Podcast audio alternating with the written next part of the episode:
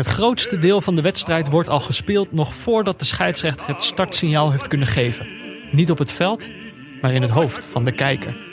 De analisten praten op tv, de scenario's worden uiteengezet, er wordt gesproken over wat voor middag het zal worden. Een groot deel van de wedstrijd wordt gespeeld voor je geestesoog. Wondergoals, horror tackles. Je ziet de wedstrijden tegen alle verhoudingen in beslist worden door een enkel magisch moment. En dan is het opeens zondagmiddag en zit je als neutrale kijker te kijken naar Helsingborg tegen Valkenbergs in de krochten van de Zweedse Allsvenskan. Het was een kraker in gedachten, een alles of niets wedstrijd tussen twee degradatiekandidaten die moesten strijden voor lijfsbehoud. Maar zo gauw de scheidsrechter floot, was het gedaan met de dromen. Vanaf de aftrap zijn we allemaal overgeleverd aan de grillen van de werkelijkheid. Annan allsvensk match. Det kan vi ta med oss när vi drar igång den här matchen mellan Helsingborg och Falkenberg. Jumbo-möte i allsvenskans 29 omgång. Ja, Jordi, Ja, Peter. wat wordt het weer vroeg donker, hè? Oh man. Ja, het is nu gewoon pikdonker buiten. ik, heb, ik heb dan net de mazzel. Maar dit zijn wel echt eh, de akeligste dagen. Ik ben niet zo van donker uit huis, donker thuis, zeg maar met werk. Maar het scheelt niet veel. Ik, Mhm. Nee. ik begin heel vroeg, dus ik ben ook redelijk vroeg dan weer thuis middags. Kwart over vier, half oh ja, vijf. bent inderdaad zo'n zo'n vroeg. Ja, ik moet dat misschien ook gaan doen. Ja, dan, dan Tegen de je tijd dat mijn eh, dag goed en wel begonnen is, is het alweer donker. is het alweer donker. ja. Ja, dus... eh, nee, ja, ik... Vroeger vond ik het altijd raar. Op een of andere manier kwam het een soort van niet binnen of zo. Dat, dat mensen heel slecht gaan op die donkerte. Maar nu ga ik het steeds beter begrijpen, heb ik het idee. Ja, het is dat het best wel eh, vervelend is. Ja, en dan met, met, eh, met, eh, met de pandemie er nog bij. Ja, Maar het zijn, het zijn do- donkere tijden. het toch? zijn hele donkere tijden wat dat betreft. En dit is, nou ja, dan moeten we toch. eh, want het is nog een maandje, dan worden de dagen nog korter en daarna worden ze alweer langer. Oh, dan gaan we weer de go- de goede kant op. Tenminste, dit, ja, misschien. Doe je gewoon even uit de heup. Dus tot die tijd moeten we, moeten we elkaar misschien eh, door de donkere dagen heen helpen. En daarna kunnen we weer, eh, kunnen we, kunnen we weer terug naar de langere dagen. Maar Ik- heb jij, ik, hoe, hoe heb jij het, het duister het hoofd geboden de afgelopen week? Poeh, zit even te denken. Je hebt op donderdag heb je altijd eh Ja, ja, nee, ja dat is... Papadag. Ja, ja is toch ook wel, is toch ook wel een mirakel. Wat hè? heb je gedaan op Papadag? Nou, het regent al, ik denk, 22 weken op uh, Papadag. dat, is, dat is voor niemand leuk. Eh, we, we, houden om, we houden ervan om lekker outdoorsy te zijn. Mhm. Maar de afgelopen weken is het echt... eh, dat, eh, jou viel het zelfs op. Dat je dacht, nou, het is. Dat, Ik oh. weet nu, ik kijk op donderdag altijd even naar buiten. Wat voor weer het is. En denk ik, oh, het is weer geen leuke Papadag. Eh, Ja, dus men dacht... of tenminste, men is alweer begonnen. Al, al, goed en wel voordat Sint-Nicolaas vertrokken is uit de natie... om de kerst te zweren op de... En je ziet ook dat mensen echt heel vroeg erbij zijn. Ik denk een stukje verveling vanuit de pandemie. ja, dan Dus- maar een boom in huis nemen. op een gegeven moment zei mijn moeder van... waarom ga je niet, eh, waarom ga je niet naar- met Fik naar de intratuin? Ja, Ja. Sorry, niet gesponsord mensen. Maar eh, ja, dat is, wordt dan ja dat is allemaal bewegende en, geluiden en dat soort dingen. Dus nou, wij die eh, kleine meende auto er naartoe. Ehm, was niet echt onder de indruk. Nee? Nee. Nou, Ik weet is ook niet. het Ik nou, vind Fik ook ja, geen eh, lampjes. Weet ik niet of dat echt iets voor hem is. Lampjes, treinen en dat soort dingen. Dat, eh, en toen het goed en wel voorbij was, eh, alles eh, wat we konden aanschouwen en waarvan die zijn schouders op hadden. Mhm. Toen kwamen we bij het, het dierengedeelte. Ja? Dus eerst waren daar. weet jij of er, iets, of er iets is veranderd in de reglementen qua vissen hebben? Hoe bedoel je? Dat, Thuis vissen? Zijn al die bakken met vissen weg? Ja, maar je hebt alleen nog maar echt gewoon millimeter dingetjes. Oh, je denkt niet meer van die grote vijf? Nee, Ja, ik heb geen idee. Nee. Ik ben geen visserman. Ik, eh, ik hoop dat iemand mij kan inlichten over het feit. Ik schrok ervan. Want vis was, hij was eh, mega enthousiast over de visjes. Oké. En toen dacht ik van nou, misschien moeten we een aquariumpje voor hem neerzetten. Ik weet niet of dat allemaal nog anno 2020 of dat eh, goedgekeurd is qua dierenleed. Geen kom in ieder geval, denk ik. Geen kom. Kom is wel echt eh, de... dan moet hij het als opa en oma vragen. Want het is, een aquarium is het duur. Ja. Eh, maar daar iets verderop eh, eh, vond hij eh, toch eh, hetgene wat we hoopten dat hij zou vinden. Dat was een stukje plezier. En dat bleek in de bakken van het, eh, van het hondenspeelgoed. hij zit nog op de leeftijd dat er niet heel veel verschil zit tussen hondenspeelgoed en kinderspeelgoed. Plusje Is, er balletjes. is misschien nog en, niet zo heel eh, veel verschil tussen, toch? Nee, als je, als je zeg maar ziet eh, hoe een puppy speelt. Ja. Dan doet dat eh, niet. dan is dat best wel vergelijkbaar met hoe hij speelt. Dus Ja. hij heeft een uur met een bal heen en weer staan gooien in, de in de intratuin. Ja. Nou, dan heeft hij toch nog een mooie dag gehad. Nou, was de donderdag Toch? weer voorbij. En toen was het alweer donker. Kon je weer naar huis. Misschien door naar een ander, andere licht in onze duistere dagen. Onze mailbox. Oh, onze mailbox, jazeker. Zat er nog wat in? Uh, Hebben we nog ja, mailtjes gekregen? Altijd. Blijf me daarover verbazen. Men blijft eh, vragen hebben. Neutralekijkers.gmail.com Ja. Als je wil mailen. Doet het nog steeds. Kan wel. Een mailtje van Wilco. Wilco Horsman. Dat ging over luisteren. Heb jij dat? Heb jij de Hij mailbox? zat, eh, hij zat de Champions League te kijken. En zijn vriendin die zat op de bank maar niet mee te kijken. En die stoorde zich enorm aan dat geschreeuw wat je nu hoort. Omdat Mhm. er natuurlijk geen publiek is. Ja. Zij zette dat uit. En toen vroeg hij zichzelf wat dingen af. Hij vroeg zich af, onder andere bestaat er zoiets als neutraal luisteren. Die eh, moet jij maar even Ja, onthouden. neutraal luisteren? Wat bedoelt hij daarmee? Zou dat zo? Bedoelt hij naar de radio naar een wedstrijd luisteren? Nou, dat, dat was daar, die, die kan ik wel beantwoorden. Die vond ik makkelijk. Zou je een wedstrijd die je via de radio volgt... een andere beleving bezorgen dan via de tv? Nou, dat, is gewoon, dat staat gewoon vast. Maar hij had juist geen geluid, toch? Hij had juist wel de tv. ja, Maar hij ging gewoon helemaal gelijk verder denken. doordenken, Gewoon doordenken, door- doordenken. En, Dat is Wilco, hè? eh, en hoe belangrijk is eigenlijk geluid tijdens een wedstrijd? Ja. Oh, nou, dat is eigenlijk wel een toepasselijke vraag voor vandaag. We gaan Oh. het zo meteen over de wedstrijd hebben. Ja, maar ik oh, kan ja. nu... eh, ik, kijk, jij had gewoon Zweedse tv-zender te pakken. Ik heb een abonnementje op de Zweedse... Maar ik, ik moest toch eh, via een andere route de, de, de Zweedse wedstrijd eh, bekijken. En ik had op een of andere manier een, ehm, een uitzending waar geen commentaar bij zat. Dus ik hoorde wel gewoon het stadion. Maar er werd mij niks verteld over... je, er sprak je, hebt, je hebt een boel gemist. Maar Dus dat ik was, zo vertellen. dat was eigenlijk ook wel... dat was heel neutraal kijken. We hebben het eerder over gehad. Omdat je dus gewoon... Kijk, een commentator. We hebben een commentator te gast gehad. Twee zelfs, vorig jaar. Eh, die kan je terugluisteren. Dat was een eh, zeer geslaagde aflevering. Episch. En dan gaat het ook over de functie die een commentator heeft. Ja, dat is toch een soort gids in je wedstrijd. Mhm. Ehm, maar we hebben, Die je ook beïnvloedt. en we hebben ook, precies, want we hebben ook Pieter, Pieter Zwart. Eh, zijn punt is altijd, altijd. Hij heeft een keer gezegd dat hij het commentaar uitzet als hij een wedstrijd kijkt, omdat hij gewoon zelf wil bedenken wat hij ziet. Hm. Maar eh, dus ik denk wel, een, een commentator is altijd sturend. Dus ik moest er echt zelf iets van maken tijdens die wedstrijd. En ik denk wel dat dat neutraler is. Of het ook leuker is, weet niet. Daar moeten we het dan straks misschien over hebben. Oh, en we hadden nog een mailtje van eh, vriend Bert. Bert is bekend bij de luisteraars, denk Ja, ik. vriend Bert. En nu ook officieel vriend van vriend Bert, hè? Oh ja, want dat is natuurlijk... We Bert- hebben lang genoeg op de deuren eh, gebonkt. van vriend van de show. Ja, heel lang. Bert is een Belg. Ja. Hij kon daarom geen, geen vriend Hij worden. woont in Ierland. Hij woont in hier, ja, lang verhaal. maar die, daarom kon hij geen vriend eh, van ons worden. Omdat eh, vriend van de show alleen...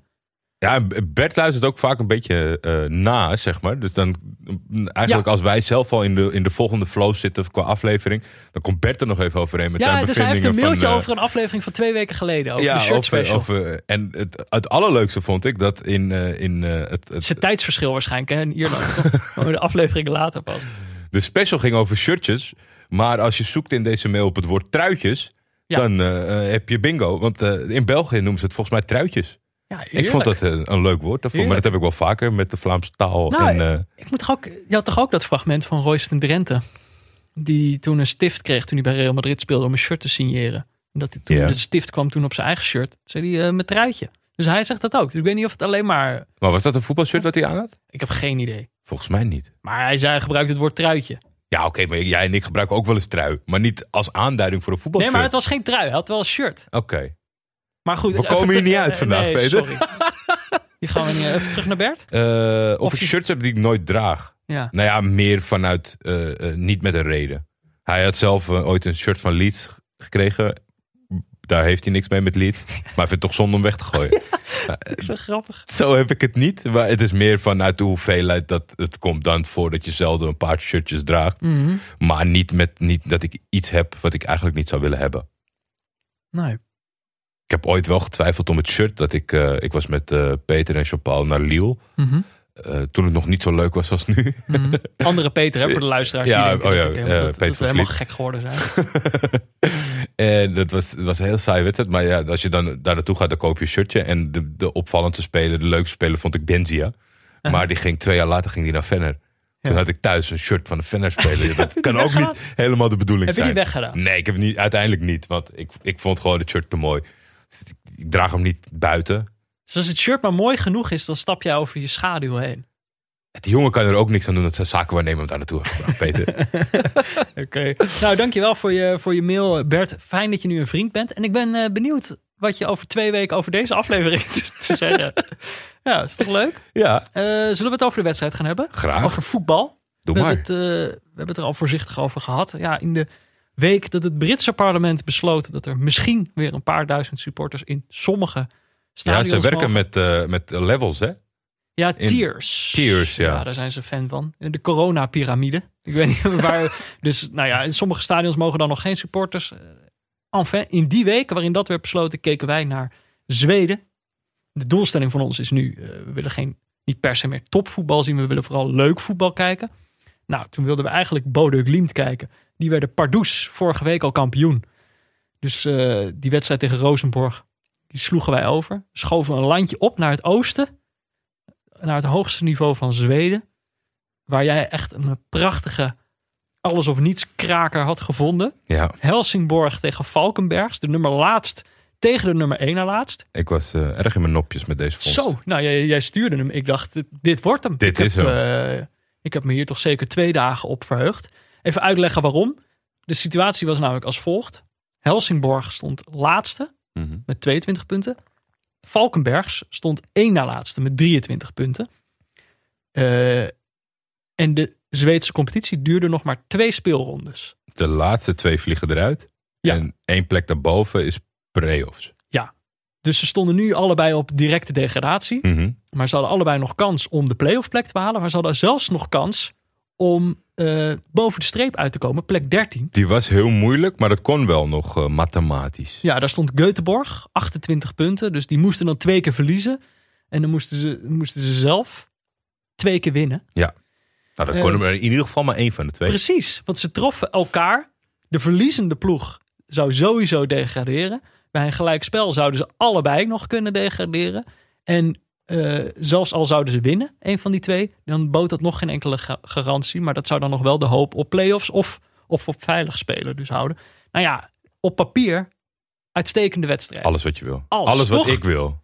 Ik weet niet, ja, ik denk in, in- ook jij, maar ik weet niet of elke luisteraar dat geldt. Maar dit, is, dit zijn ingrediënten waar ik heel gelukkig van word. Ja, gewoon allebei deze ploegen moesten tot, eh, Ja, tot het gaatje gaan. alles geven. Maar goed, dan misschien eerst even kijken wie deze ploegen precies zijn. Want ik denk, Helsingborg is voor mensen misschien een naam die nog wel eh, bekend in de oren klinkt. Is, Dat natuurlijk mag ik hopen van wel. is toch de club van eh, Henke Larsson. Henke, Henke, leuke speler. nou, een, een van de bekendste Zweedse voetballers ooit, eh, denk ik. Eh, en die is daar natuurlijk ooit eh, begonnen. Is ook geboren in Helsingborg. Maar die club eh, bestaat natuurlijk al veel langer. Het is een van de oudste clubs van, eh, van Zweden. Ooit een fusie tussen, tussen Svitiat en Statena. Ja, dat was heel leuk. Stond op Wikipedia niet te verwarren met Statena FC. Nee, precies. Ik haal dat ook altijd, ik haal dat altijd door elkaar. Ik dacht, oh, top dat je erbij zegt voordat ik me verspreek. Nou, het is ook echt eh, maar een van de oudste clubs van, eh, van Zweden. Dus ook, maar niet per se een van de beste clubs van Zweden. Eh, terwijl, zeg maar, toen jij dat affiche doorstuurde, dacht ik, hè, is, is, eh, gaat Helsingborg degraderen? Dat is toch een. eh, Dat kan club? niet. Maar ze zijn helemaal niet zo verschrikkelijk goed. Ze, ze zijn wel vaker gedegradeerd zelfs. Ja, Eh, wat je wel vaak ziet is, zeg maar, wat denk ik van toepassing bij deze club, is dat, dat je jarenlang een vaste waarde was. En nadat het eenmaal gedipt is, want ze zijn al een keer eerder gedegradeerd, Ja, dat het dan. dan is het heel moeilijk en dan word je een soort van yo-yo-vereniging. Nou ja, eh, zeg dat wel. Want inderdaad, ze, ze zijn heel vaak gedegradeerd. De laatste keer dat ze degradeerden, of heel vaak, meerdere keren. De laatste keer dat ze degradeerden was in 2016. En wie was toen eh, de trainer? Henke. Henke. Niemand minder dan Henke. Die, eh, Ja, volgens mij, ik, ik, ik weet niet of, dat, of ik daar de vorige week over begon, maar waren dat met die, met die beelden van dat eh, eh, de supporters eisten dat ze hun shirts en broeken uitdeden omdat ze het logo niet waard zijn? precies dat zijn de beelden Ja, die, die wij wilden zien. Nou ja, 2016 degradeerden ze. Toen kwamen ze wel weer terug op het hoogste niveau nu. Dit was het tweede seizoen. Vorig seizoen werden ze tiende. Dus het was ook, ook niet een topseizoen, maar wel gewoon veilig. Eh, maar ja, nu eh, stonden ze tegen Valkenberg. Ze hadden ze natuurlijk eerder dit seizoen al tegen gespeeld. 2-2 werd het toen. Dit was ook een uitstekende ingrediënt.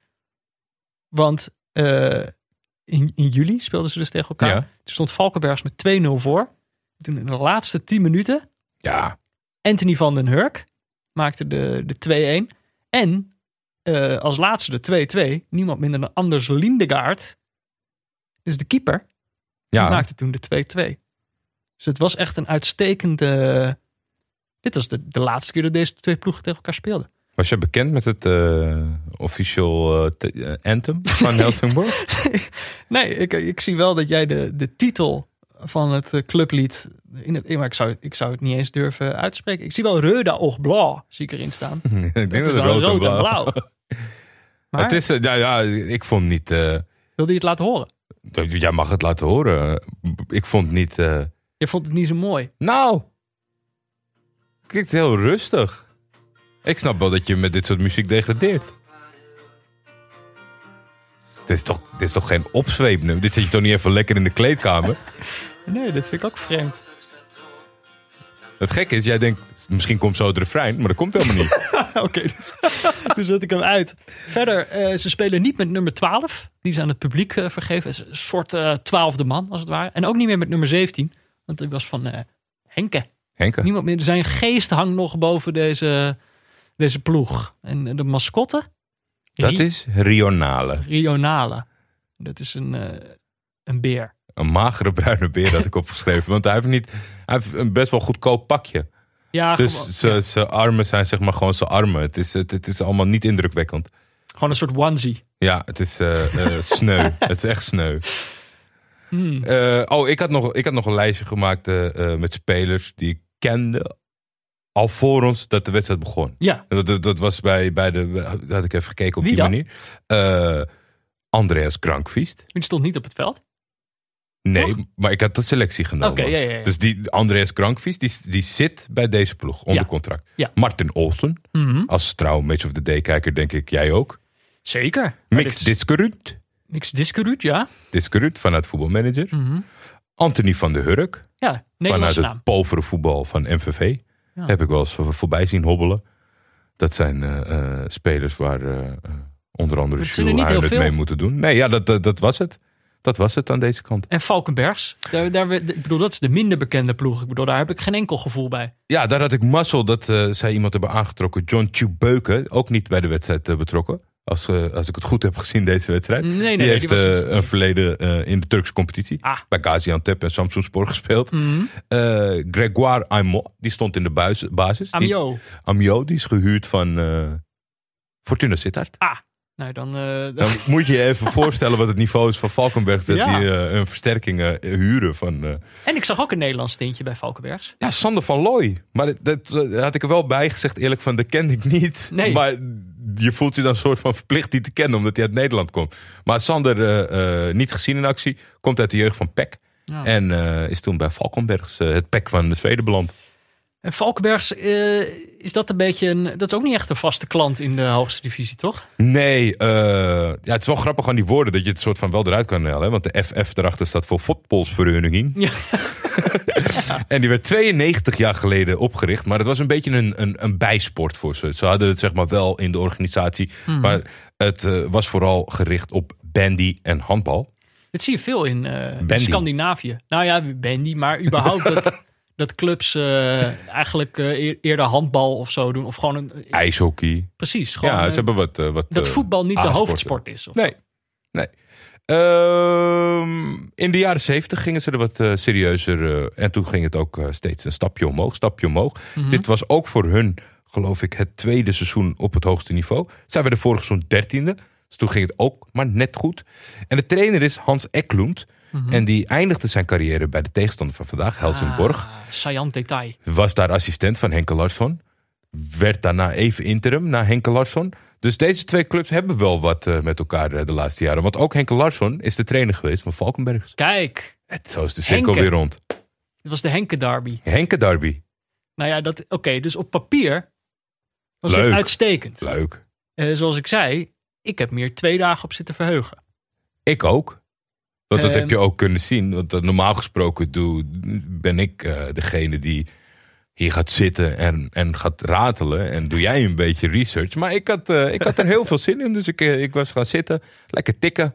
Lekker klikken. Nou, en omdat, je, inlezen. omdat jij ook een. Jij had dus wel gewoon een Zweedse zender te pakken. Ja. Jij hebt ook de hele voorbeschouwing meegepikt die ik niet kon zien. Ja, en ik was voornamelijk visueel tevreden. Mhm. Ik kan natuurlijk niet het, eh, ondanks dat eh, eh, sommige woorden, dat je die uit de tekst kan halen, ik kon niet het hele verhaal, de strekking volgen. Maar het was, het was goed geregeld. De, de betaalzender van Zweden is Dplay. En Mhm. die hebben dat keurig voor elkaar.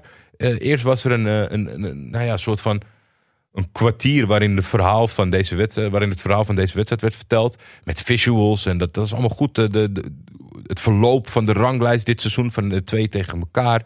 Eh, per linie werden ze, moest de, moest de analist eh, moest per linie duiden wie vind je beter. Oh ja. En daar kwam er een eindstand uit. En dat was 3-4 in het voordeel van Valkensberg. Mhm. Eh, zij hadden volgens mij, zover ik weet, maar dan ga ik even navragen bij de experts, om daar eventueel op te. Irma Helin Mhm. eh, is volgens mij gewoon een nationaal speler van Zweden. Die deden eh, het co-commentaar.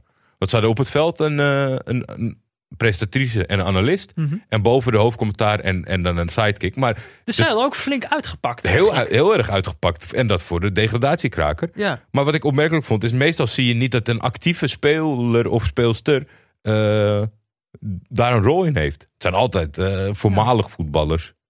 Toch? Voor Maar zover ik mij kan herinneren. ik heb haar niet, eh, ik heb haar dus niet kunnen horen. Deed ze het goed? Eh, voor zover ik kon beoordelen wel.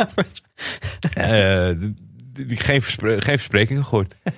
Maar dat, dat, ja, dat was het. En ik had, ik had zelfs zoveel zin had ik in deze wedstrijd... dat ik even het sportbladet had ik even door de Google Translate getrokken. Mhm. Toen kwam ik erachter dat er een damn special situation this evening... Oh. Oh. this, this midday kon gebeuren. Wat dan? Dat ging over Carl Johansen. Mhm. Kalle. Kalle is nu al twee jaar speler van Valkenberg. Mhm. Maar kwam op zijn veertiende bij Helsingborg. En heeft daar altijd gespeeld. Zijn hele eh, jeugd. Ja, hij dus zeg maar, eh, het ging erover dat hij onderdeel zou kunnen zijn om zijn, zijn jeugdclub te laten degraderen. Toen dacht ik van ja, hoe speciaal is het als Dit waren die verhalen die ze van tevoren hebben. Ja, ja. Maar ik vond het ook wel mooi. En hoewel ik neigde vanuit, denk ik, dat je iets weet over een club. Dat je dacht van, nou, dat Helsingborg, weet je, stond dan ook laatste. Eh, een trainer die iedereen kent. Dat hebben we niet, eens niet genoemd. Olaf Melberg. Eh, maar toen bij het lezen van dit, want Kalle Johansson was een, eh, is een heel begenadigd talent centraal achterin. Mhm. Moest weg omdat de oude Grankvis terugkwam. Dacht ik van, nou, dat Valkenberg heeft wel betere, betere voetbalprincipes. Ja, die zitten moreel, Ja. moreel aan de juiste kant. Ja. Dat Ja. die dan wel kallen. Dus ik, ik, ik wisselde een beetje. Ja, en jij dacht misschien ook van dat. eh, Jij zag de verhalen al voor je van hoe Kalle, Kalle Kalle. Johansson. Met een omhaal in de laatste minuut. Precies. En dat dan eh, Helsingborg de shirts moet uittrekken omdat ze het niet waard zijn. Dat is wat je allemaal in je hoofd hebt zitten. Maar goed, dan begint die wedstrijd. En dan wordt eigenlijk al heel gauw duidelijk. Zeg maar, wij- zeiden op een gegeven moment tegen elkaar. ik- Ik begrijp wel waarom dit de twee laatste ploegen in de Zweedse divisie zijn. Ja, ik, de, de- gaandeweg veranderde het wel nog een beetje, zeg maar. Maar dat punt is wel legitiem. Ze konden niet zo goed voetballen. Nee, en het was misschien ook wel. Maar kon ook nog nervositeit zijn. Ja, precies. Want het was natuurlijk ook gewoon een spannende wedstrijd. Maar het was denk ik in zekere zin ook wel. Kijk, de- ik weet niet of Zweeds voetbal een soort. eh, alsof iedereen meteen een connotatie heeft bij wat Zweeds voetbal is. Eh, hoe dat eruit ziet. Terwijl als je Spaans voetbal zegt of zo, of Engels voetbal, heeft iedereen daar meteen een beeld bij. Maar als je toch een soort beeld kan hebben, gebaseerd op de nationale ploeg. Mhm. Zweden heeft het een tijdje best wel prima gedaan. Was dat altijd de 4-4-2. Weet je nog? Dat was Ja. gewoon altijd precies dezelfde 4-4-2. Maar dat was hier, was hier dus ook gewoon allebei de ploegen 4-4-2. En gewoon eh, Niet te veel poespas. niet veel poespas. Nee, scheidsrechter floot ook bijna niet. Nee, Eh, ik dacht in het begin nog van... Oh, dit wordt, eh, dit wordt een pittig potje in die zin. Want er, de, de, de, er vlogen wel wat eh, eh, duels voorbij. Mhm. Indrukwekkend harde duels. Maar de scheidsrechter pakte dat goed op. En de spelers pakten dat ook goed op, vond ik. Ja, maar op zich, er waren wel vroeg twee gele kaarten. Mm. En op dat moment schreef ik op, als deze wedstrijd niet met een rode kaart eindigt, dan, dan vind ik het knap. Ik Nou. dacht, nou, als ze, als ze 90 minuten zo doorgaan, dan kan het niet dat iedereen op het veld blijft staan. Maar ik zal alvast verklappen, een spoiler, de, de, er is geen rode kaart gevallen. Nee. Eh, volgens mij ook heel weinig, gewoon die twee gele kaarten is bij gebleven, geloof ik. Misschien omdat er op het einde nog eentje bijgekomen is. Ja, en dan voetbaltechnisch de inhoud van de wedstrijd. eh, Valkenberg komt met het eerste afstandsschot. Dat je denkt, de keeper is had het beter kunnen verwerken. Dus dat is misschien ook nog wel goed voor de wedstrijd. Dat de keeper niet zo heel goed is. Mhm. Daarna ontstaan er wat kansen voor Helsingborg. Ja, het spelbeeld was denk ik eerste helft van de eerste helft was voor Valkenberg. Ja. En de tweede, tweede helft van de eerste helft was voor Helsing. Zouden we Helsingborg een, een dode spelmoment eh, specialist kunnen noemen? Nee, eigenlijk allebei wel. Toch voor de liefhebber van verre inworpen was dit, eh, was dit een uitstekende eerste helft. Elke keer als er een inworp was, dan, dan Die- moest die ene jongen komen die zo ver kon gooien. Maar de corners waren ook indrukwekkend, vond ik. Ja? Ja, de corners. Van, de- daar, daar kwamen de eerste twee kansen van Helsingborg uit. Ja, En eh, dan stond eh, Anthony van der Hurk eh, steeds op de goede plek. Alleen ja, niet bij machten om het in de eerste helft tot doelpunten te... nee, geen te goals. 0-0 bij rust. En eigenlijk het belangrijkste voor deze wedstrijd gebeurde op een ander veld. Ja. En daar kregen we ook steeds allemaal live updates van.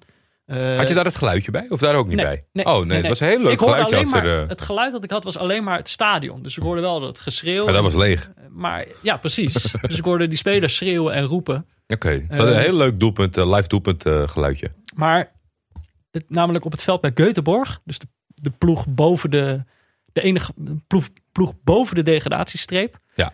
Nou ja, als die zouden winnen, dan eh, konden deze ploegen zich allebei niet meer veilig spelen. En daar stond het na 33 minuten al 0-2. Dus eh, deze ploegen wisten dat het hoogst haalbare alleen nog play-offs zou kunnen zijn. Nou ja, dat lijkt me wel iets als de andere optie degraderen is. Ja, dan wil ik alleen nog één opmerking voordat we naar de rust gaan. Eén speler die toch opviel. Ik wil dan toch nog iets eruit halen. Mikkel Diskeroet, jij noemde hem al. Ja. Eh, die ken je dan uit voetbalmanager. Op een of andere manier is dat zo'n speler die steeds voorbij komt. Maar dat is een Noorse Amerikaan. Geboren in Oslo. Heeft eh 38 interlands voor de USA gespeeld. Heeft ook de Gold Cup gewonnen. Hij Kan is via, iedereen zeggen. via Stabæk naar, en Rosenborg naar New York City gegaan. Dat is die zusterclub van Manchester City in New York. Is uiteindelijk ook naar Manchester City gegaan. Maar hij is inmiddels 30.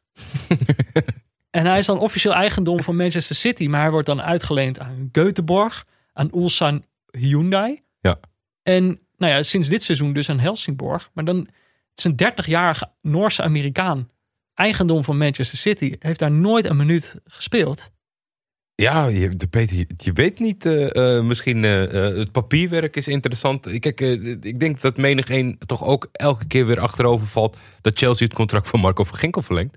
Hij is de Noors-Amerikaanse Marco van Ginkel. Ja, nou, dat zou je die wel zeggen. speelminuten Ik- heeft. Maar ik denk wel om het te typeren. Was deze 30-jarige Noorse Amerikaan was de meest soepele speler op het veld. Ja, ja. En dan weet je eigenlijk wel hoe laat het is. Want het was geen. Ik bedoel, het was geen. eh, het was gewoon ook in die zin denk ik wel een Marco van Ginkel. ja.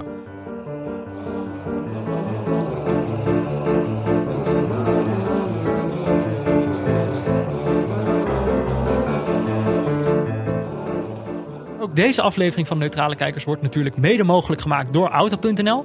Hè, eh, website waar je een auto kan bestellen. www. Eh, ik tik hem even in. www.auto.nl. Auto.nl. Op de website van Auto.nl daar garanderen ze nooit meer een miskoop. En eh, nou ja, de transfermarkt die gaat al bijna weer open. Er kunnen ploegen weer miskopen gaan doen. Ehm, maar we zitten nu ook op het punt dat sommige spelers zeg maar, net een beetje miskopen beginnen te worden. Die ze afgelopen zomer hebben aangetrokken. Heb jij er nog eentje gevonden, een miskoop? Nou, eigenlijk geen miskoop. Oh.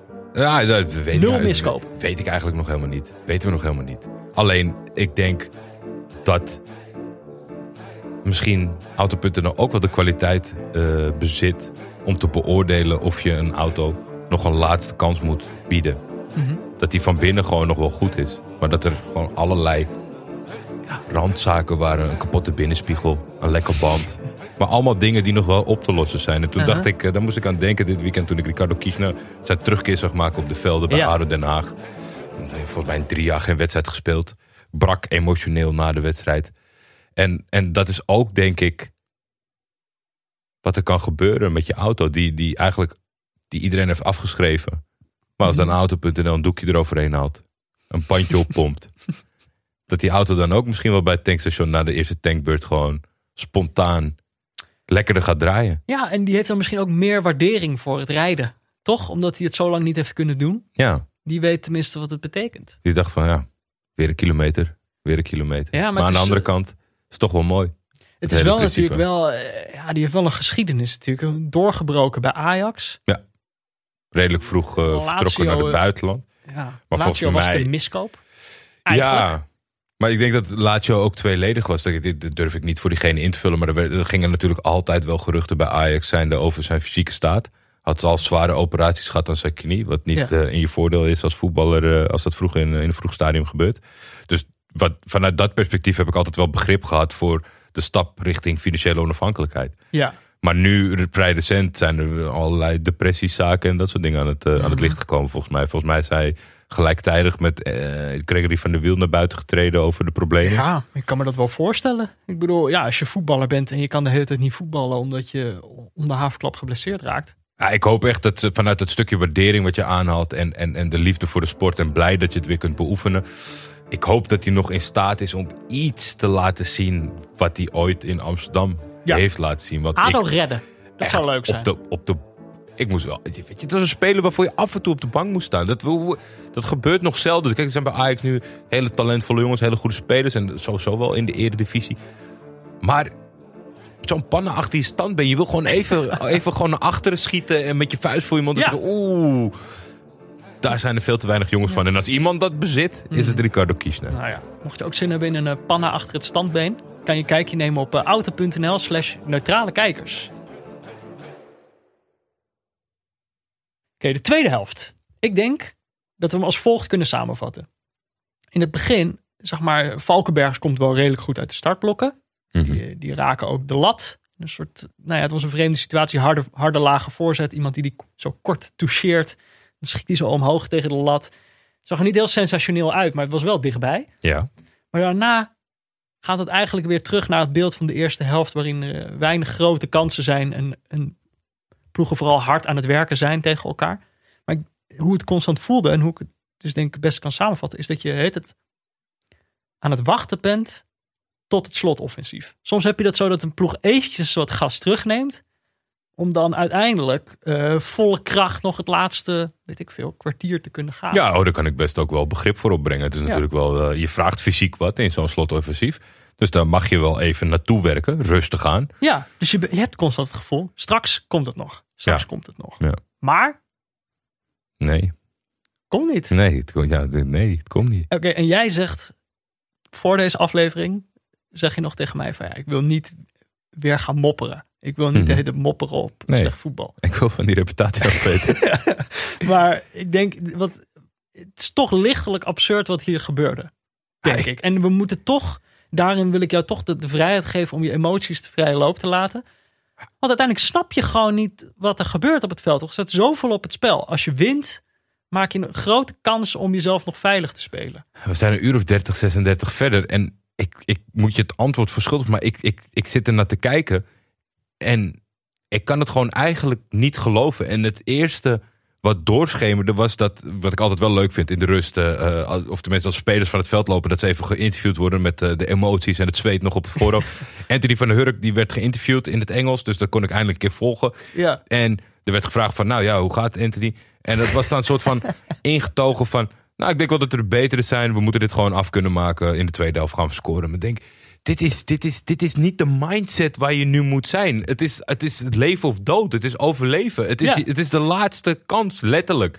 En wat doen, wat doen jullie nou bij elkaar? En dat Valkenbergs heeft dan nog misschien iets betere papieren. Maar er zitten gewoon twee ploegen berekenend te spelen. Berekenend op wat? Om samen hand in hand te degraderen? wat is het nou voor onzin? Want het blijft dan 0-0 staan. En dan is inderdaad de situatie dat ze, dat, dat ze allebei kunnen degraderen nog. Ja. En de- je denkt, het lijkt gewoon alsof ze daar eigenlijk allebei wel vrede mee hebben. Ja, maar dat, hoe kan dat nou? Daar kan je toch nooit vrede mee hebben? Maar ik zag vanochtend, open ik mijn podcast-app en ik zie eh, eh, de tagline bij de Totally Football Show, Engelse, eh, Britse podcast die ik wel eens luister. Did Chelsea 0-0 with Spurs show them the maturity of both sides? En dan denk ik, ja, weet je waarom? Hier gaat het allemaal fout in de voetballerij. Hoe bedoel je? Wat is de- nou het feit dat je dat je het probeert te draaien naar iets positiefs, naar iets volwassens. Dat Chelsea en Spurs gewoon allebei zoiets hebben van, eh, weet je, als we maar niet verliezen. Dat als we maar niet verliezen, maar dat kan dus zo doorslaan dat je naar twee ploegen zit te kijken om leven en dood. Die denken van, nou, laten we, laten we maar niet verliezen. We hebben de nul nog. De eh, nul staan. gehouden. hey, puntje gepakt. Kan gek lopen. Maar dat Volgende is week toch, nog. dat is heel raar. Dat je tijdens de wedstrijd ook gaat afvragen. Maar wacht, hebben we dit dan goed uitgezocht? Nou ja, daar heb ik Kunnen ze oprecht aan getwijfeld. Ja. Of we misschien... eh, kijk, er zijn ook in landen zijn de zaken besloten... dat clubs niet degraderen of niet promoveren... of dat soort dingen in verband met corona. Als dat zo is, dan weet ik het niet. Nee, maar, dat is niet zo. Nee, het is zeker niet. Want voor de uitzending ging het natuurlijk in de visuals... alleen maar over de aanstaande degradatie. Ja. En in de sportblad dit ook. Oké, er zijn, oké, er zijn wel Ik heb dit nog nooit gezien. Echt, ik, ik heb dit nog nooit gezien. Want zelfs een hele slechte zo ploeg... gezapig naar de, naar de Ja. afgrond.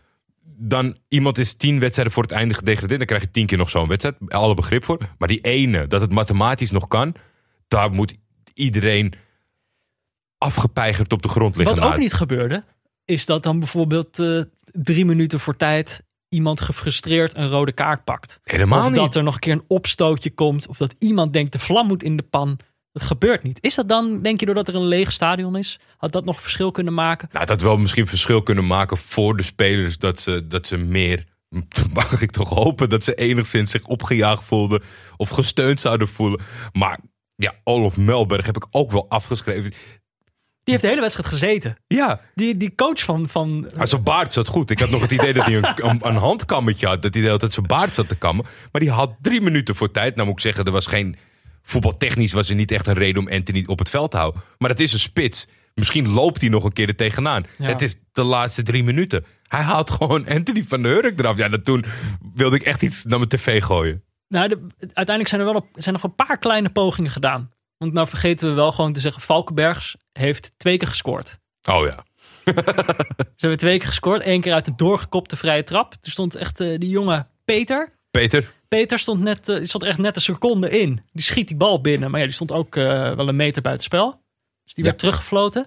En niet eens zo gek veel later. Echt een fantastische goal. Ja. Wat was dat nou? hakje. Een hakje inderdaad. En middenvelder eh, was het? Nee, het was Carlson. Ik dacht heel even dat het Johansson was. En die ramde hem. Ja, die kwam prachtig, Ramde hem eh, tegen kwam touw. prachtig buitenom. Kreeg hem terug met het hakje. Schiet hem keihard binnen. Ik, eh, ik, ik slaakte een kreetje. Jij dat niet ook zo? Ja, riep ik, zoiets. En nou ja, die werd ook meteen afgefloten. Stond ook een meter buitenspel. Ja. Dus ze hebben het wel geprobeerd. Helsingborg, kijk, die halen natuurlijk, ze halen een spits eraf. Maar ze hadden ook een extra spits gebracht. Vlak daarvoor. Ja. Rasmus Jönsson. Die had een leuke bijnaam, kwam ik achter. Oh, wil ik dan toch nog even benoemen. Eh, hij werd Sugroret genoemd. Sugroret. Sugroret, dat is eh, Zweeds. Dat betekent rietje. Zo'n bui buigrietje waarmee je Ja. denkt. Omdat hij 1,92 meter is en heel erg dun. Soort Peter Crouch-achtige. Die noemen ze dus gewoon rietje. Vond ik wel leuk. Ehm, ja, nou ja, verder. Dit, dit, uiteindelijk Nou, de aller, allerlaatste seconde. En uiteindelijk had ik daar best wel voor eh, uiteindelijk naar buiten willen lopen, mijn auto instappen en toeteren voor Valkensberg.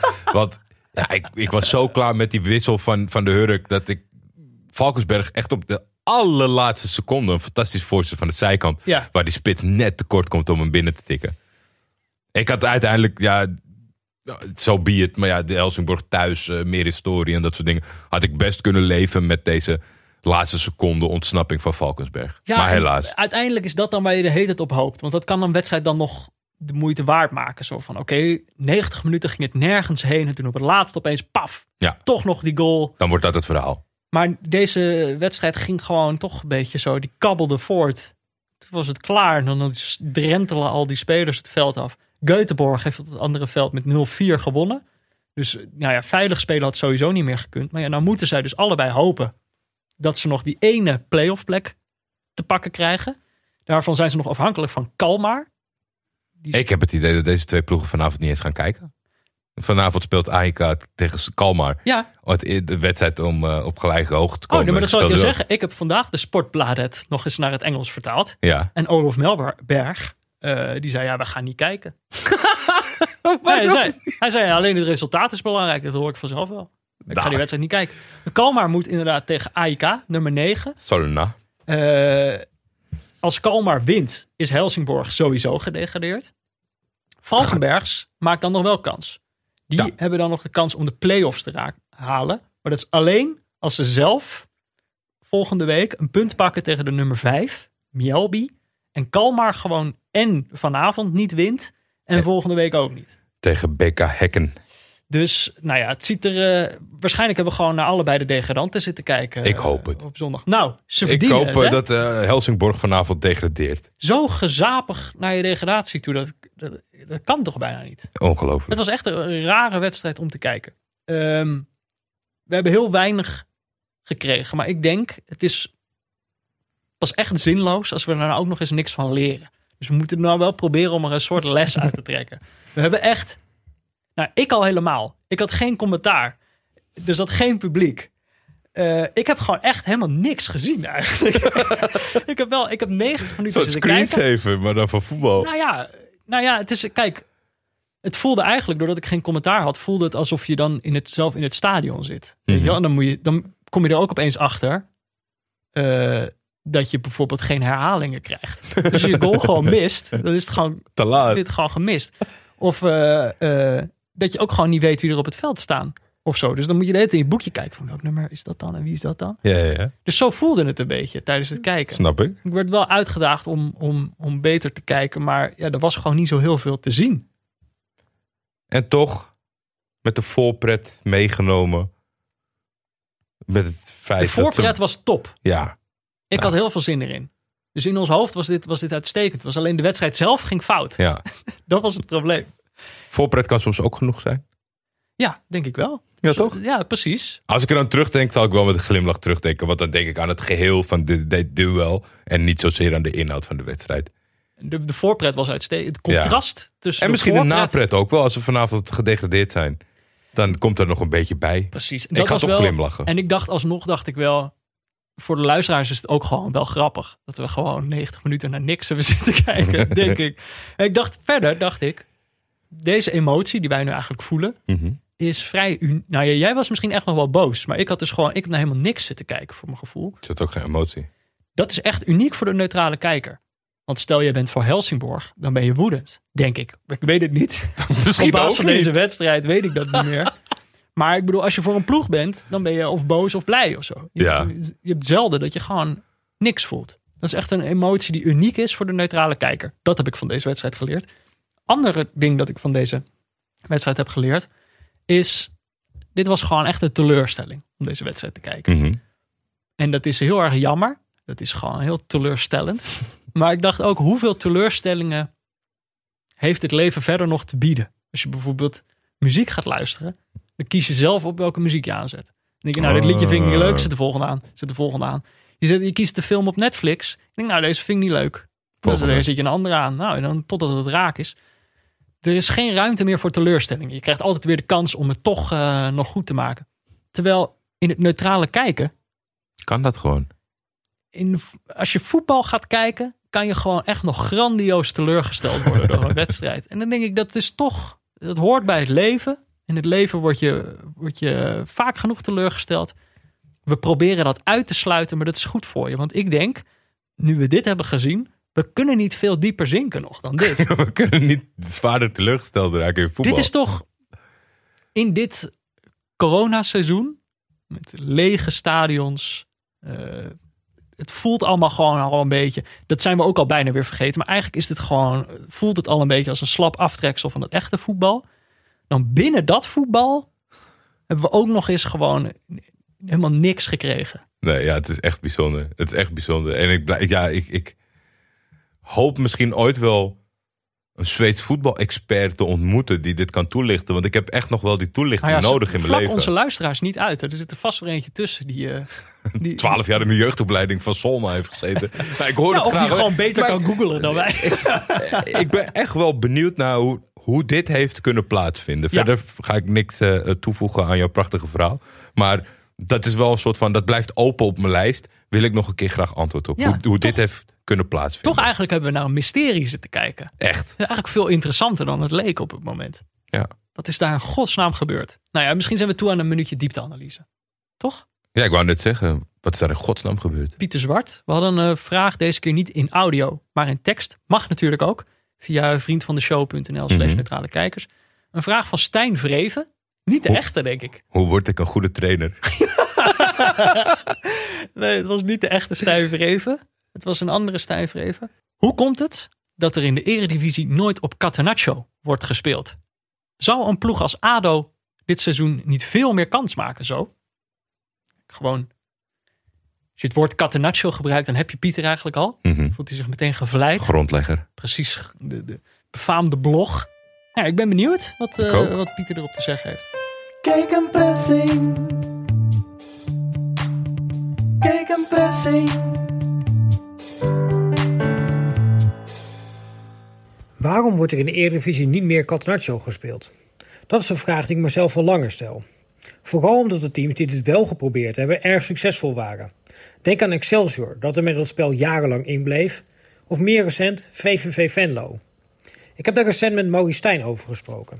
En een van de dingen die me bijbleef was dat hij van collega's in de pers voortdurend kritiek kreeg op zijn spel. Alsof de manier waarop VVV het probeerde minder waardig was.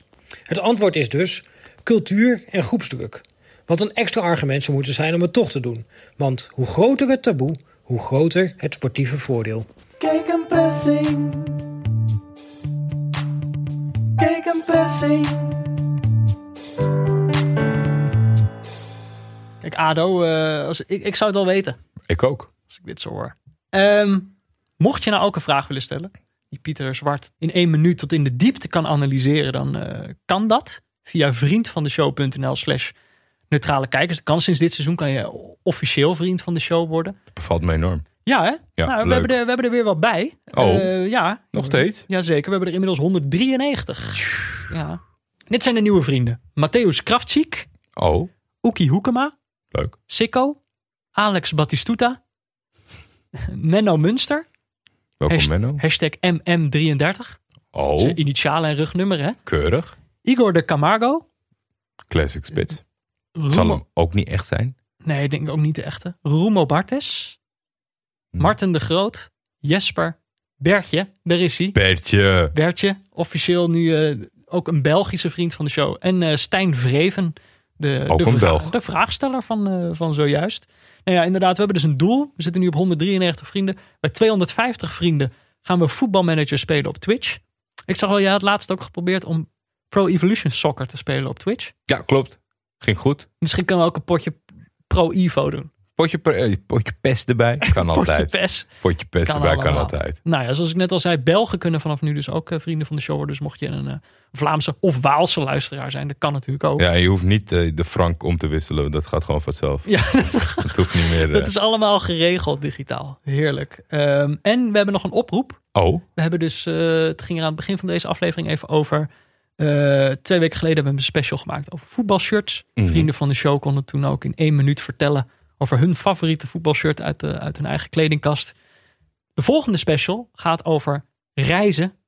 Dan dachten we, heb jij ooit een on- onvergetelijke reis gemaakt naar een voetbalwedstrijd in het buitenland of in het binnenland? In het binnenland kan je ook reizen. ik heb de eerste paar zien binnendruppelen. Ik ook. Leuk. Eh, maar er kunnen er nog wel een paar bij. Eh, en mocht je nou een onvergetelijke reis hebben, laat het ons dan weten in een audiobericht van maximaal één minuut. Willem Dudok, let je op. Maximaal één minuut. Een minuut. eh, via vriendvandeshow.nl slash neutrale kijkers. En dan eh, krijg je een plekje in de, in de special. Zou leuk zijn. Zou heel leuk zijn. Mourinho. Yes. Dan zijn we alweer toe aan de Mourinho-meter. De goat. De, kijk, als het goed gaat met Mourinho, is dat goed voor ons allemaal. Mhm. Dat is een beetje het ding. Dus elke week moet je kijken hoe gaat het met Mourinho. Nou ja, dit werd ons eh, vanuit verschillende hoeken toegestuurd. Dat hij, eh, hij heeft natuurlijk een Instagram-account. En een van de nieuwste posts op zijn Instagram-account was dat hij samen met eh, een van zijn spelers, Reguilon, Region, ja. op de foto stond met een gigantische ham. Van 500 euro. Een Spaanse ham. Ja, 500 pond misschien zelfs wel. En nou ja, dan vraag je af, wat is, wat is daar de reden achter? Dat was, hij had een weddenschap. Ja. In de wedstrijd eh, Tottenham City, die ze wonnen, had hij een opdracht. Reguilon stond tegenover Mares. En als Mares hem gedurende de hele wedstrijd geen één keer voorbij zou kunnen spelen, dan zou hij een ham krijgen van Mourinho. Ik vind dit, eh, dit zijn goede. Dat, het zit goed in die, in, in, die, in ploeg. Dat constateren we natuurlijk bijna wekelijks. Maar dit zijn Mhm. echt van die, van die dingetjes dat je weet. eh, er ontstaat daar een hechte vriendenploeg. Nou ja, en hij weet dus blijkbaar hoe je spelers moet motiveren. Ja, nou. Dan eh, krijg je een ham. Als jij gek bent op, eh, op dat hammetje. nou, je weet eh, wat, wat de tarieven zijn. Dus wat dat betreft. Ja, Mares kwam hem nul, nul keer voorbij. Dat was dit, Karig. weekend, dit weekend wel anders tegen Burnley. Maakte hij een hat-trick. Dus dan weet je, het is ook niet zomaar. Nee. Dat had Sean Dyche had er wat voor kunnen leren. Maar die ziet nog geen hammen uitdelen, als ik eerlijk ben. En verder was het natuurlijk voor Mourinho was het, dit weekend weer bal. 0-0 tegen Chelsea. Was natuurlijk een beladen duel. Op papier. tegen, tegen Lampert. Eh, dat, dat vlamde al een paar keer eerder eh, dit seizoen tussen die twee. Ja, een beetje, beetje spelde prikjes. Ja, maar eh, 0-0. en dat is op zich vervelend. Maar Tottenham staat nog steeds top of the league. Met uitzondering, kijk, Leicester speelt op de avond dat we dit opnemen. Als die met 7-0 winnen van Fulham. Nou, Je sluit niks uit. Jamie, Jamie Vardy speelt daar, dus het kan. ja, ik wou zeggen. En het is tegen Fulham. Precies, dus het, het kan. Als, maar als dat niet gebeurt, dan staat Tottenham nog steeds eh, top of the league. Dus het gaat nog steeds goed met Mourinho. Eh, en dan vraag je je af hoe goed precies. Ik heb weer een fragmentje van het interview erbij gepakt. Zal ik hem even laten horen? Graag. The best thing for me today is that my dressing room is not happy. It's the best thing for me. It's the best feeling is that my dressing room is not happy. You come to Stamford Bridge, a draw normally is a good result. Uh, to stay top of the league is a nice thing. They're not happy. I'm not happy. And that for me is the best feeling of all. Kijk, daar Ja. kunnen we wat van leren. Ja, Zo, zo goed gaat het dus met ons. het, eh, Louis van Gaal-esk. Ja, hè? Toen hem het verloren. En toen zei hij, eh, dit was de beste wedstrijd van dit seizoen met AZ. En vanaf die wedstrijd was volgens mij alles, hebben ze alles gewonnen en zijn ze kampioen geworden. Ja, Roger. Schmid deed er ook eentje, toch, dit weekend? Wat we ook Hij gezegd? had, nou ja, hij had, hij had eh, acht andere spelers opgesteld, geloof ik. Ja, In de hele wedstrijd geen kans gecreëerd. Tot op die ene goal eh, die ze maakten. Dus het ging vreselijk slecht tegen Sparta. En toen zei hij, ja, dat was een topavond. Was geweldig. acht man kunnen rusten, drie punten binnen. Ik Ja, snap hem wel. precies, precies. Zo gek is die Roger niet. Nee. Nou, dan zijn we alweer toe aan het gecrowdsourced onderdeel Ja, van deze aflevering. Eh, we noemden ze net al, de vrienden van de show. Kijk, vaak bestond ons script gewoon uit een lijst van namen van spelers. Nou, er stond er gewoon een rijtje namen. Dacht, ik, nou, ik ben benieuwd wat Jordi erover te zeggen. Maar we hebben dat deel hebben we uitbesteed aan onze vrienden van de show. en die doen dat met verven. Die mogen dan namen op de lijst zetten. En dan moeten wij eigenlijk vervolgens raden waarom ze die erop hebben gezet. Ehm, heb jij er eentje? Nou ja, ik, ik, geef de, ik geef de luisteraar net complimenten, maar het gaat ook weer fout, zie ik. Hele zinnen zie ik voorbij komen. Ja, dat is niet de bedoeling. Dat is niet de bedoeling. Nee, iemand, Gewoon zei, iemand zei, gaan jullie maar lekker over NAC praten. Ja. Maar zo werkt dat niet. Nee, maar het Je moet sowieso- ons erin luizen. Zet dan gewoon stiekem een, na- een naam van een NAC-speler ertussen. En dan voor we het weten zijn we het er vijf minuten over aan het hebben. Het kan niet eens. Ehm, even kijken. Rijn heeft André Onana genoteerd. Oké. Er ging natuurlijk... eh, eh, eh, Ajax had een walk in the park tegen Emmen. Mhm. En het ging veel over eh, eh, het koud hebben van André. Die daar een beetje zichzelf zat eh, warm te Ja, die te kwam af en toe in beeld. Eén keer, één keer volgens mij een redding moeten maken. Ja. Dat dan, en dan moest hij daarna toevallig ook nog was hij eruit gepikt voor de dopingcontrole. Ja, dat was inderdaad wel een grappig fragment. Zo van ja, als hij een keer doping had gebruikt, Ja, dan was dit wel echt het allerdomste moment om het te doen. ja. vanuit meerdere perspectieven. Voor Ja. de rest eh, valt er weinig te zeggen. Ik moet zeggen, eh, wat mij positief opvalt is hoe André Onana in het geheel oppakt dat hij is gebleven bij Ajax. Er waren natuurlijk een aantal jongens binnen de selectie die, die eigenlijk weg wilden, zouden gaan. Mhm. Alles een beetje anders gelopen. Ik, ik heb het idee dat de linksback, eh, de Argentijnse linksback van Ajax, een klein beetje met de ziel onder zijn arm loopt. Ja, Terwijl Onana heeft gewoon de knop omgedraaid en zegt, nou ja, volgende keer weer. Chelsea had natuurlijk eh, de ultieme bestemming geweest, maar die gingen voor Mandy. Ja. Mandy. dit was eh, Rijn, had deze erop gezet. Dankjewel, Rijn. Dankjewel, Rijn. Ik wil graag de naam heel even kijken. Dan doe ik wel Bailey Peacock Farrell. Bailey Peacock Farrell. Wacht, ik pak hem er even bij. Bart de Vries had hij Ja. in, ons, eh, in ons script gezet. Bailey Peacock Farrell. Weet je wie dat is? Mm, Nee. Nee? Nee. is de keeper van Burnley. Hm. Nou, of ja, niet de keeper van Burnley. Hij debuteerde dit weekend. Tegen Manchester City mocht hij eh, debuteren. Nou, dat is leuk. Kreeg hij er meteen vijf om zijn oren. Eh, eigenlijk zes.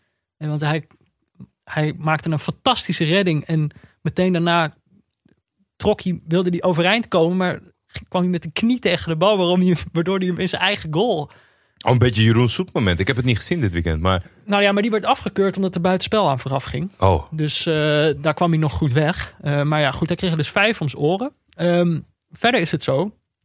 Bailey Peacock Farrell is in 2019 voor 3 miljoen pond van Leeds naar Burnley gegaan. ja. Ehm, hij was toen tweede keeper achter Casilla, Kiko Casilla. Ja, ja. Eh, op dit moment is de keeper bij Leeds, die als vervanger is gehaald voor Bailey Peacock Farrell, dus Ilan Meslier, de Franse keeper, die hebben ze toen voor 2 miljoen pond teruggehaald. En dat was toen eigenlijk werd hij gehaald als tweede keeper achter Kiko Casilla. Maar die Meslier, die hield dit weekend voor de vierde keer een clean sheet. Dus dat is eigenlijk de vervanger van eh, Bailey Peacock Farrell. Is nu de, de, de eerste keeper van, eh, van Leeds geworden. En Kan verkeer in het voetbal, hè? waar, Ba- ja, precies.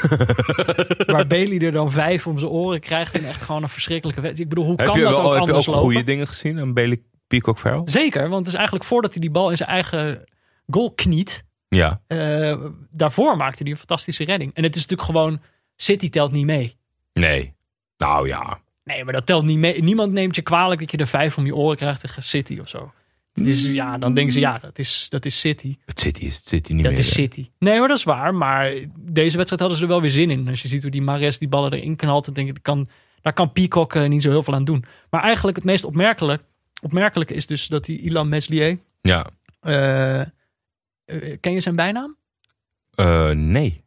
Dus- nee. Eigenlijk het, mijn punt is het meest opvallende naar Bailey Peacock Farrell is Ilan Meslier. en zijn bijnaam zag ik voorbij komen. Of het is gewoon één twitteraar die hem zo noemde. Maar in dat geval zou ik zeggen, prima bijnaam. Spiderboy. Spider-Boy. Hij ziet er ook echt uit als een jongetje. Hij speelt ook in de jeugdelftallen van Frankrijk. Is volgens mij ook echt wel een heel jonge gast. Maar eh Spiderboy, Spider-Boy. goede bijnaam. Vergeet je niet meer. Spider-Boy. Heb jij nog een naam? Ik zit even te koekeloeren. Jordi schrijft John van den Brom. En dat vind ik, eh, ik vind het helemaal niet erg om zo blind op een bandwagon te stappen waar je u tegen zegt. John van den Brom die is eh, als een dief in de nacht vertrokken bij Utrecht om bij Genk aan de slag te gaan. Die moest beginnen met een thuiswedstrijd tegen Moes Kroen. Dat is lekker, want die is dan laag. Daar werd 4-1 van gewonnen. Mhm. Dit weekend moesten ze op bezoek bij Cerkel. Cerkelbrugge. Ja. 1-5. Wanneer stopt dit? Brombal. Begonbal. Ja, nee, maar hij dinkt gewoon mee om de bovenste positie. Eh, Als dit zo doorgaat, als dit zo ben je doorgaat. kampioen. Maar er is een kaper op de kust, uiteraard. Ja. Daar gaan we het straks nog even over Zeker. hebben. In de Belgische competitie. Verder nog iets over John van der Brom? Of, eh, nou, nee, ja, een pluim. Lekker bezig. Goed begonnen. En, en zet hem op. Ga zo door. Ja, is hem ook wel gegund eigenlijk. Hè? Eh, Ik had Louis Baines. Louis Baines. Of ja, die had ik er niet opgezet. En die is er opgezet door, heel even kijken, Victor van Ham. Die zette de naam Louis Baines erop. Jij zei, ik heb geen flauw idee wie dat is. eh, ik, heb even, ik, heb even, ik heb het even uitgezocht. Oké, ik ben heel benieuwd naar jouw bevindingen. Louis Baines, die staat eh, op deze namenlijst omdat eh, de FA Cup werd gespeeld. Tweede ronde. Mhm. Speelde Peterborough, speelde tegen Chorley. Chorley. En Peterborough is een eh, club bovenin de League One.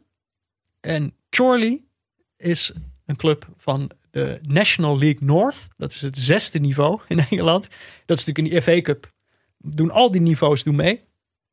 Nou, Peterborough komt in de tweede minuut al voor. Eh. Door Taylor uit een corner. Dan denk ik, ik bedoel, dan zie je die gasten ook al denken van... nou, godzijdank nu al gescoord. Klaar. hebben we geen zware dag in de FA Cup. Maar dan, de 60ste en de 62ste minuut staat het opeens 1-2 voor Chorley. Bekers- Twee keer? Bekersprookje. Twee keer been. Eh, nee, Oh, Eén keer assist van Louis Baines. En één keer, eh, de tweede goal was wel van Louis Baines. En dat was een soort, je had het net over de corners van, eh, van Helsingborg. Hier was ook wat geks aan de hand. Er was een soort corner en staan al die gasten staan klaar in het, eh, in het penaltygebied. En dan uiteindelijk komt een van de jongens die eigenlijk achter lijkt te zijn gebleven. Die sluit dan opeens aan. Dus die komt helemaal aangesprint. Die krijgt de bal aangespeeld. Die kopt hem breed. Nou ja, in de voeten van eh, Louis Baines. Die hem vervolgens eh, binnenschiet. Maar toen dacht ik, als ze op het zesde niveau in Engeland al dode spelsituaties aan het instuderen zijn. Dan is toch de revolutie in het voetbal eh, is wel in volle gang. Toch? Ja. is dit, of had jij ook bij jouw amateurclub al ingestudeerde nee. spelsituaties? Nee, toch? Nee, nee, nee, nee. Dan ben je al blij als je hem, eh, als je, hem- als je hem hoog voor de goal krijgt. Twee armen omhoog was eerste paal, één arm omhoog was tweede paal. Zo was iedereen in de war. Precies. maar oké, Louis Baines eh, zorgt dus voor de winst bij Chorley. Eh, ze missen vervolgens nog een penalty. Ze kregen nog de kans op de 1-3 ook. Die misten ze. Maar uiteindelijk winnen ze toch. De loting voor de derde ronde is ja, vanavond. Ik kon niet precies zien hoe laat. Maar ze bekeren dus door. Kunnen we volgende week gewoon vertellen. Het bekersprookje is, eh, is in de maak. Dan heb ik nog één dingetje wil ik laten horen.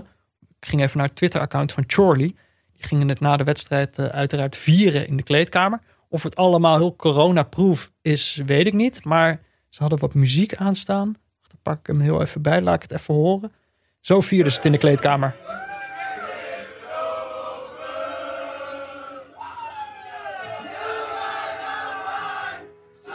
Like you. Ja. Leuk. Ja, on- onvoorspelbaar. Ja, maar het is, het is ook wel, als je dit met z'n allen meezingt, dan is het, je krijgt het een heel andere, andere vibe, dit liedje van Adele. Ja, toch? hè? Is toch Adele? Ja, maar ik bedoel, elk liedje krijgt natuurlijk een andere vibe als een, Als een ploeg uit de National League meezingt. Maar eh, nou ja, ze hebben het dus wel, eh, ze hebben het goed gevierd. En eh, we zullen zien hoe ze het doen in de volgende ronde. Leuk. Als ze nog een ronde overleven, gaan we een keer Charlie kijken.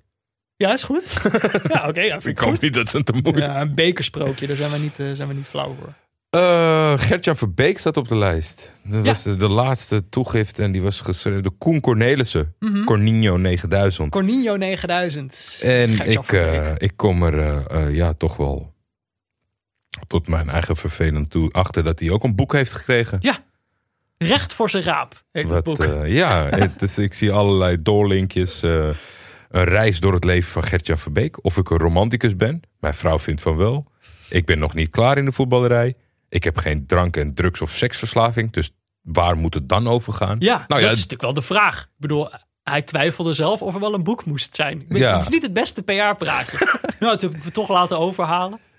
Recht voor zijn raap maakt hij met schrijver Eddy van der Leij een rondgang langs mensen die hem door en door kennen. Zoals Johan Derksen, Toon Gerbrands, Foppe de Haan, Orlando Smekers en Riemen van der Velde. Ja. Het levert een verrassend portret op van een veelzijdige self-made man die als tiener bijna de verkeerde afslag nam in het leven. Ja, nou, je weet het niet. Misschien, hij had bijna een drankverslaving.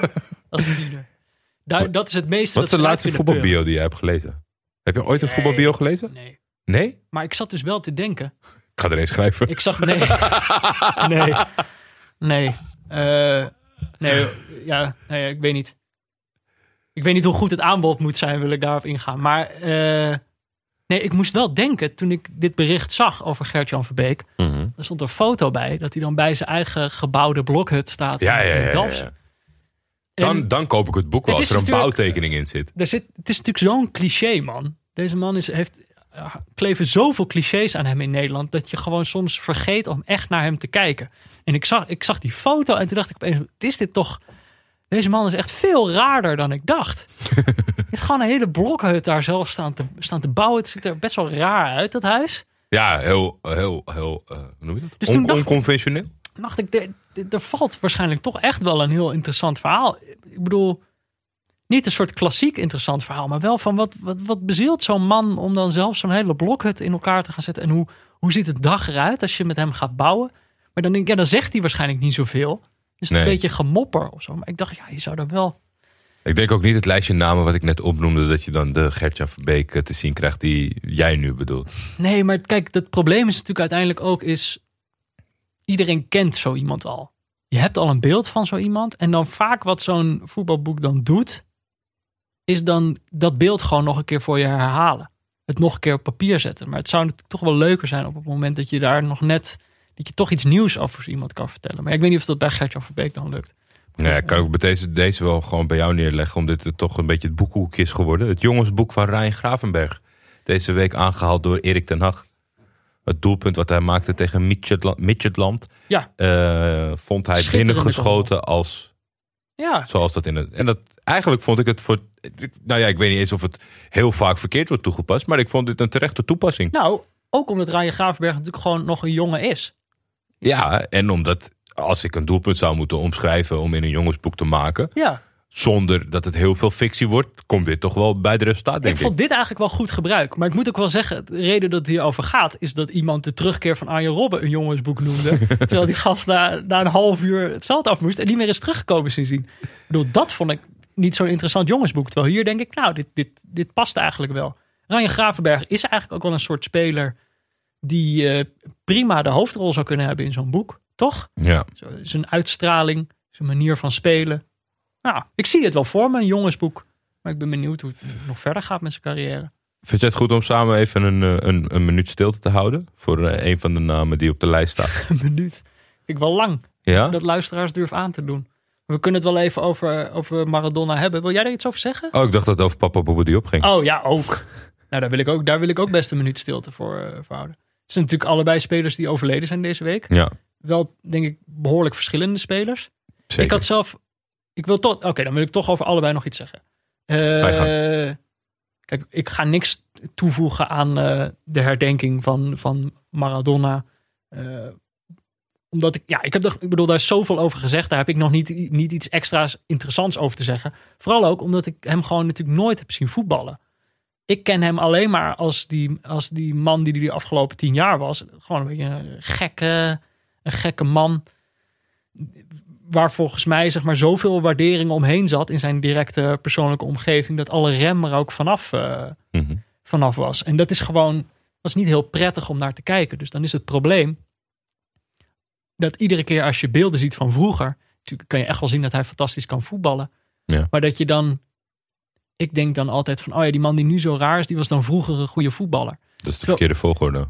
Want voor heel veel mensen is het denk ik inderdaad andersom. Die hebben hem gewoon zien, zien, zien voetballen eh, 40 jaar geleden. En gewoon gezien dat het een geweldige eh, speler was. En dan vergeef je het misschien een beetje dat die, dat die daarna zo doorgedraaid is. Ja. Eh, dus ik denk dat is inderdaad de juiste volgorde. Terwijl andersom, dat, voor mijn gevoel komt dat gewoon nooit meer goed. Dan blijf je gewoon alleen maar die, die, die rare man zien. Eh, dus dat is lastig. Maar ja, daar Ja, ben ik, daar ben ik natuurlijk ook gewoon, eh, ook gewoon jong voor. Ja, en het, eh, zelfs, zelfs ik in die zin. Ik ben iets ouder dan jij bent. En ik zou hem vast nog wel voorbij hebben zien hobbelen op het WK in, eh in 94. en, Mhm. eh, en, en misschien nog wat clubverband. Maar dat was, toen was het natuurlijk ook al het beste ervan af. En nee, ik ben ook altijd blij. eh, eh, ik, had, ik had een filmpje gedeeld van David Ent die aan het woord is. Zo iemand die hem zijn hele carrière aan het werk heeft gezien. Ja. En dan iets moois daarover zegt. Ik, ik voel me nooit zo op mijn plek om, iets, om daar soort van mooie woorden over te zeggen als je, als je het zelf niet hebt meegemaakt.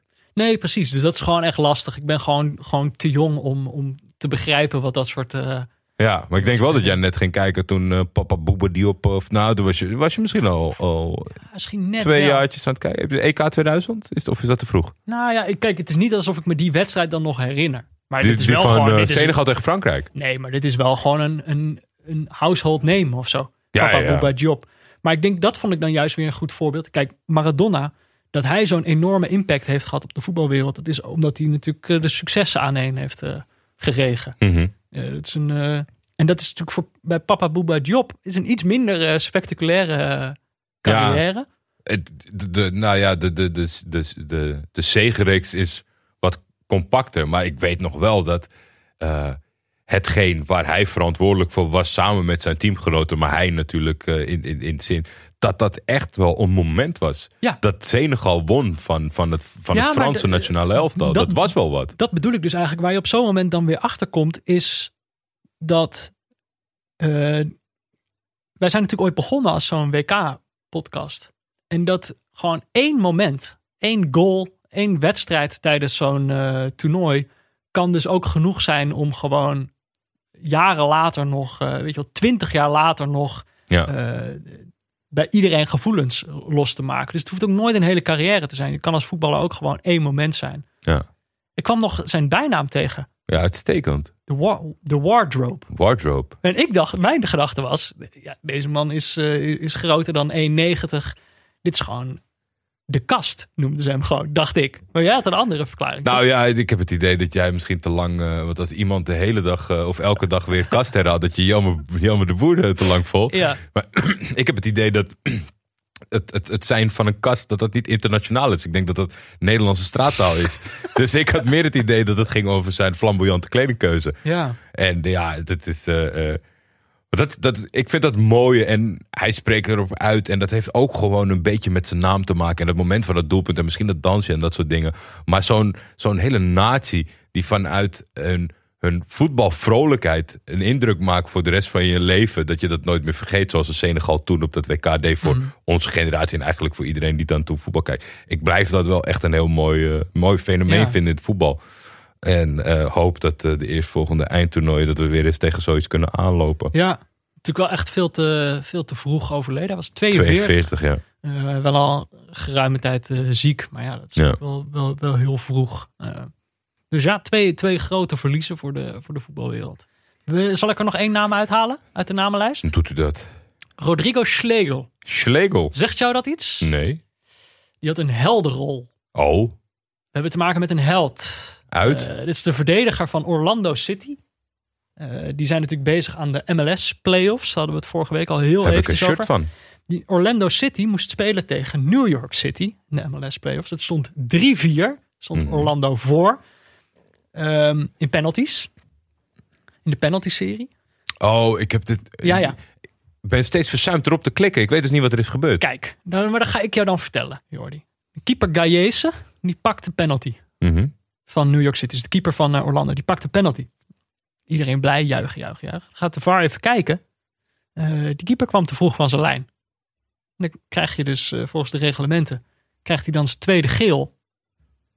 Want hij had al een keer geel gepakt. Dan krijgt hij zijn tweede geel. Dan moet hij dus tijdens de penalty-serie, wordt de, wordt de keeper er afgestuurd. De wissels zijn op dat moment al op van Orlando City. Mhm. Dus wie moet er op dat moment op goal? Rodrigo, Rodrigo Schlegel. Ro- Rodrigo Schlegel. En wat denk je? Pakt hij hem of niet? Ik denk dat Waarom staat deze op de namenlijst? Nee, die pakt dus de penalty. Dat betekent dat Orlando City op dat moment eh, door is. Maar, kijk, deze naam is er opgezet door, moet ik hem er even bijpakken. Hij was er heel vroeg bij. Wouter, Ed Wouter 12, die zette deze zes dagen geleden al op de namenlijst. Eh, dan ben je er vroeg bij, maar eigenlijk ook iets te vroeg. Want op het moment van spreken is Orlando City uitgeschakeld. Ah, Ja, die hebben eergisteren verloren van, met 1-3 van de New England Revolution. En wie zat er de hele wedstrijd op de bank?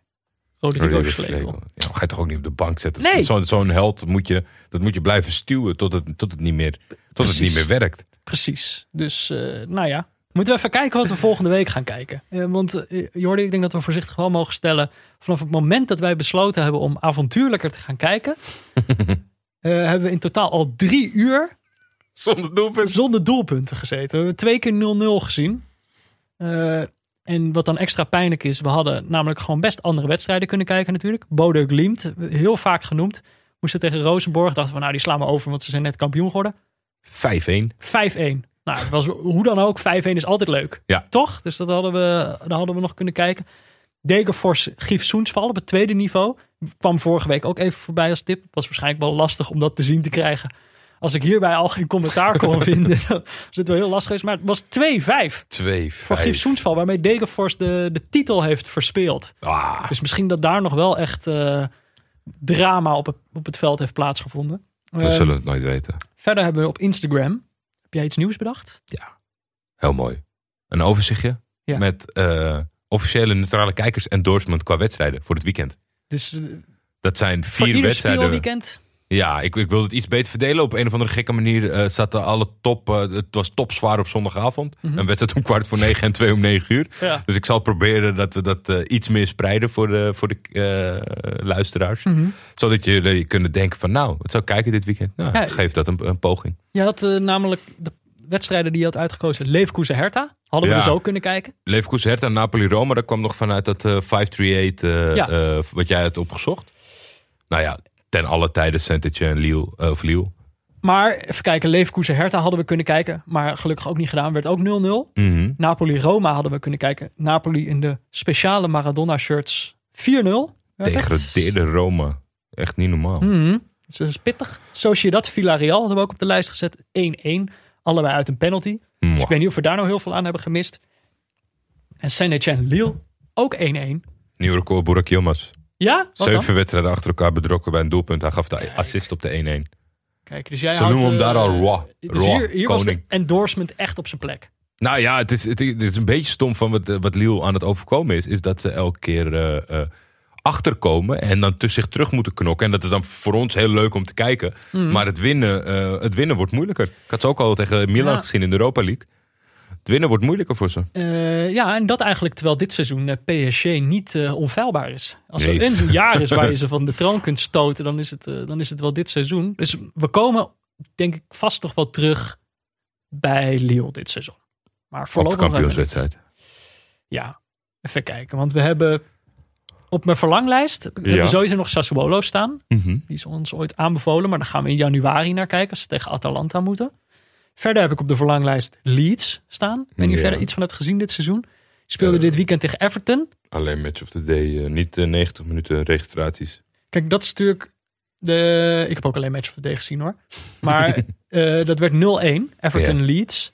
Eh Rafinha scoorde in de 79ste minuut. Scoorde die. Dat was de 35ste poging In van die de wedstrijd. wedstrijd. Ja, en dat was dan niet als dat Leeds dan eh 30 pogingen had en Everton maar 5. Het was echt eh, heen en weer voetbal. Knotsgek. Knotsgek. In totaal 38 eh, schoten.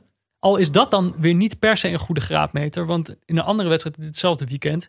West Bromwich tegen Sheffield United 39 schoten. Maar dat leek me dan eigenlijk weer een stuk minder leuk. Maar Leeds is natuurlijk met Bielsa, met Patrick Bamford... Het vraagt er wel om om nog een keertje naar te kijken. Zeker.